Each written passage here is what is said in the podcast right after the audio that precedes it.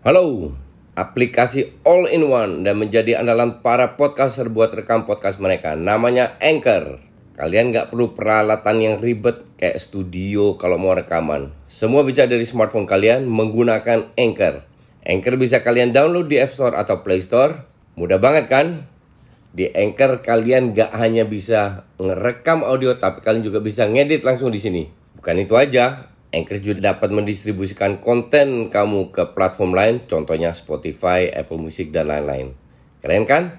Satu aplikasi buat semua kebutuhan. Daripada kalian makin penasaran, mending langsung aja download Anchor sekarang. Oh ya, Anchor ini gratis loh.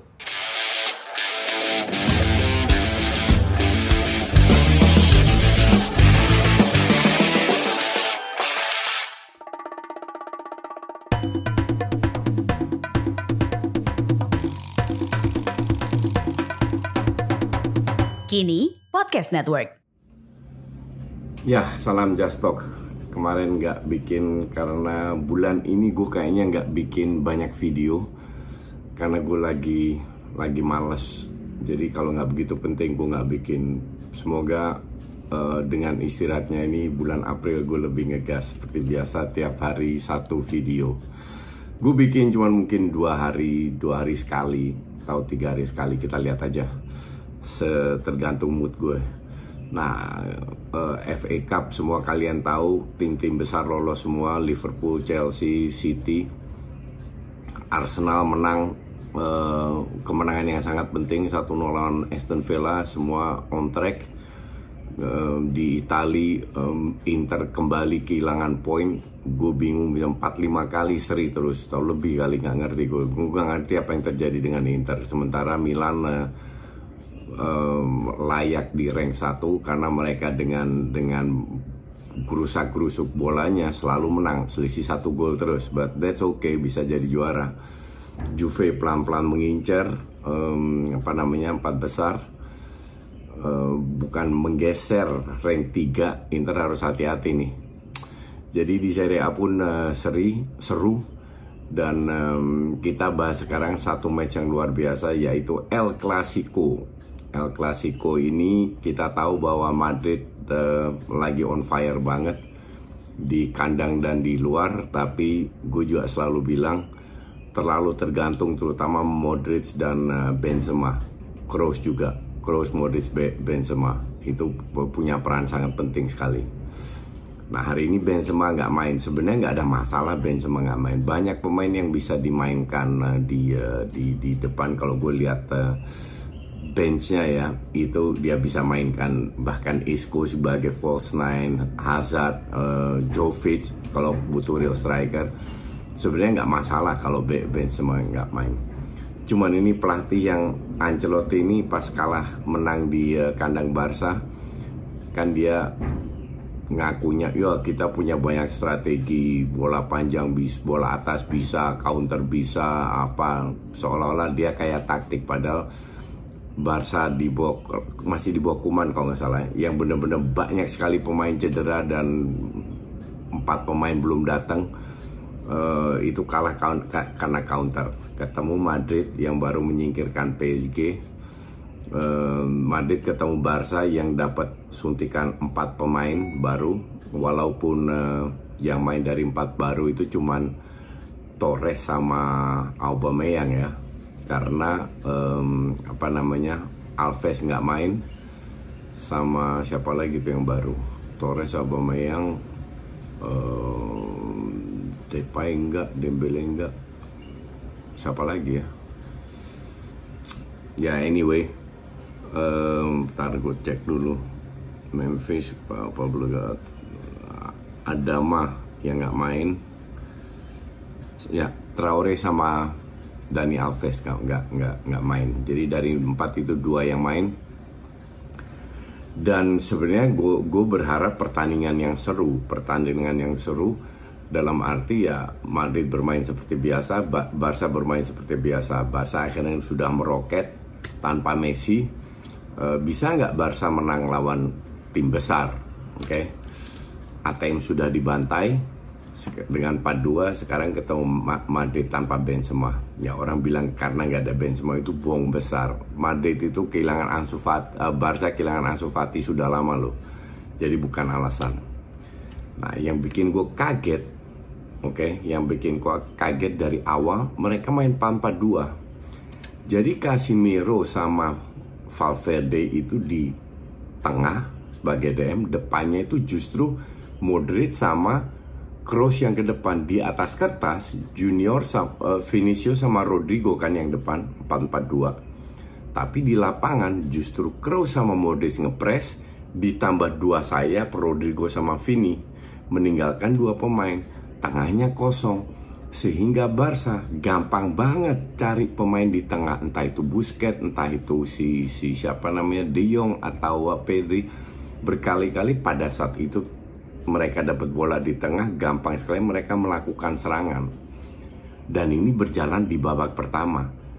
Madrid itu praktis mau berpantat di di di babak pertama dan dapat berapa gol? Tiga gol kalau nggak salah. Uh, Ferran Torres 47 uh, 4 gol, dua gol. Dap, dap, dapat dua gol, dua heading. Dua heading dalam arti bukan sebuah set play, oke? Okay?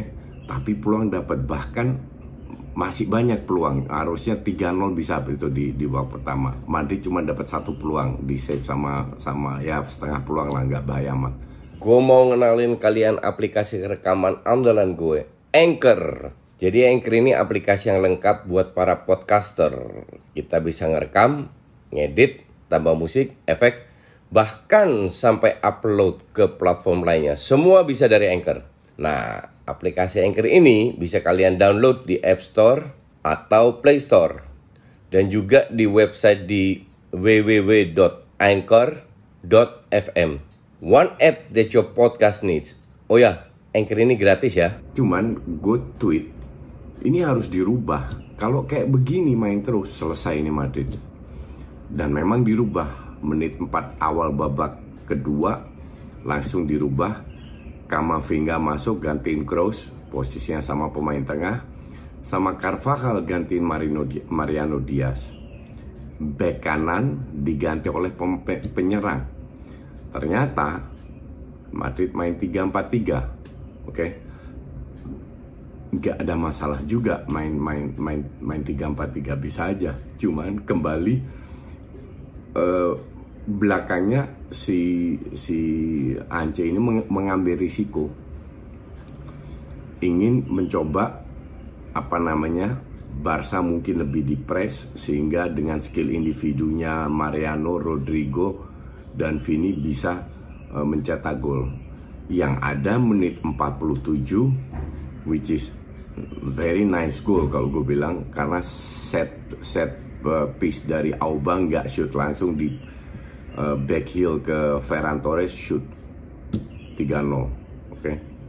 nah yang 4-0 itu juga berkat tengahnya terlalu kasih banyak ruang. Dalam 90 menit mau main 4-4-2, 3-4-3 terlalu banyak ruang. Akhirnya menit 65 pas sudah 4-0 kembali lagi ke 4-3-3 tapi Casimiro dijadiin back, Alaba jadi back kiri, Nacho keluar, Rodrigo keluar, Asensio masuk. Jadi tetap tiga penyerang di depan 4-3-3. Ini kenapa nggak dari awal gitu loh. Nah di babak kedua Madrid dapat dua setengah peluang mungkin. Barca harusnya bisa menang 6-0, 7-0 apa yang dapat depan gawang peluang kosong Ferran Torres depan peluang kosong banyak banget peluang dan di sinilah kembali yang gue selalu katakan Ancelotti ini pelatih miskin taktik. Dia itu asal eksperimen seolah-olah pengen, pengen jadi jadi uh, pahlawan kesiangan.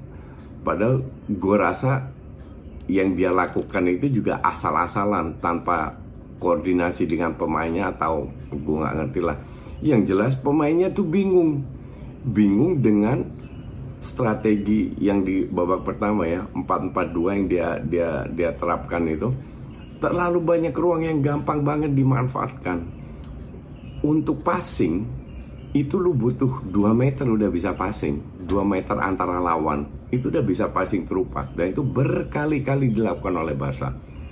Akurasi passing Barca itu kalau nggak salah 90-an persen 91 uh, si siapa namanya? 89 Madrid 87 persen total shot 18 dibanding 14 big chance Barca 7 Madrid 0 oke okay.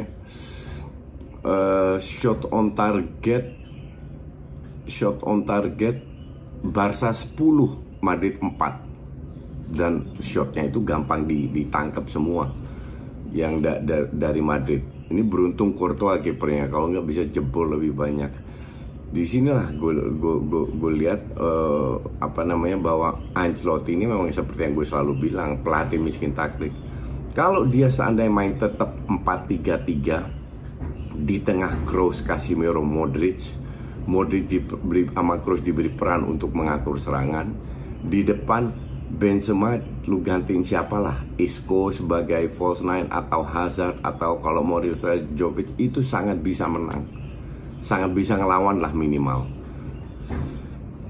Cuman ya this is Madrid I mean uh, sekarang selisih 12 poin Barca kurang satu poin. Kalau itu menang tinggal selisih 9 poin. Apakah Madrid bisa tiga kali kalah? Ya semua bisa terjadi. Tapi gue jujur nggak gue nggak ngelihat ini akan dilepas lagi Madrid. Jadi untuk gue pada saat ini Madrid yang akan juara. Cuman gue nggak tahu Benzema berapa lama lagi dia uh, apa namanya cederanya. Nah, kalau seandainya Benzema next matchnya diganti main kayak begini lagi 4-4-2 bisa juga selesai. Makanya gue inilah kembali omongan gue terbukti bahwa mereka itu cuma ngandelin skill aja. Junior, Rodrigo, sama Mariano itu cuman skill visinya nol sama kayak Grealish. Yang punya visi itu justru Kroos, Modric, Casemiro. Valverde bekerja keras, berusaha, tapi ya gitu-gitu aja. Uh, Kamavinga, ya masih jauh levelnya di bawah uh, Kroos ataupun nggak jelek, cuman butuh jam terbang. Ini pemain berbakat, tapi masih butuh berapa tahun untuk bisa uh, perform Alaba Militao kelihatan apalagi Nacho Fernandes ancur-ancuran makanya gue bilang uh, jual Varan oke okay. Alaba hari ini main kurang bagus tapi he's a good player oke okay? tapi Militao sama Nacho Fernandes udah berkali-kali gue bilang ini pemain biasa banget dan dan di sini ama Barca dibuka kelemahan titik lemahnya uh, Real Madrid kalau PSG kan memang nggak bermain dengan sistem ngandelin skill ngandelin counter kayak Madrid nggak jauh beda. Uh, that's why gampang dilibas kalau tapi ketemu tim kayak Munchen kayak City ya selesai. Bahkan lawan Chelsea belum tentu menang kalau main kayak begini. Kecuali kembali 4-3-3 main seperti biasa baru mereka bisa ngelawan Chelsea di UCL oke? Okay? sementara itu dulu kita lihat kapan gue bikin video lagi. Thanks for watching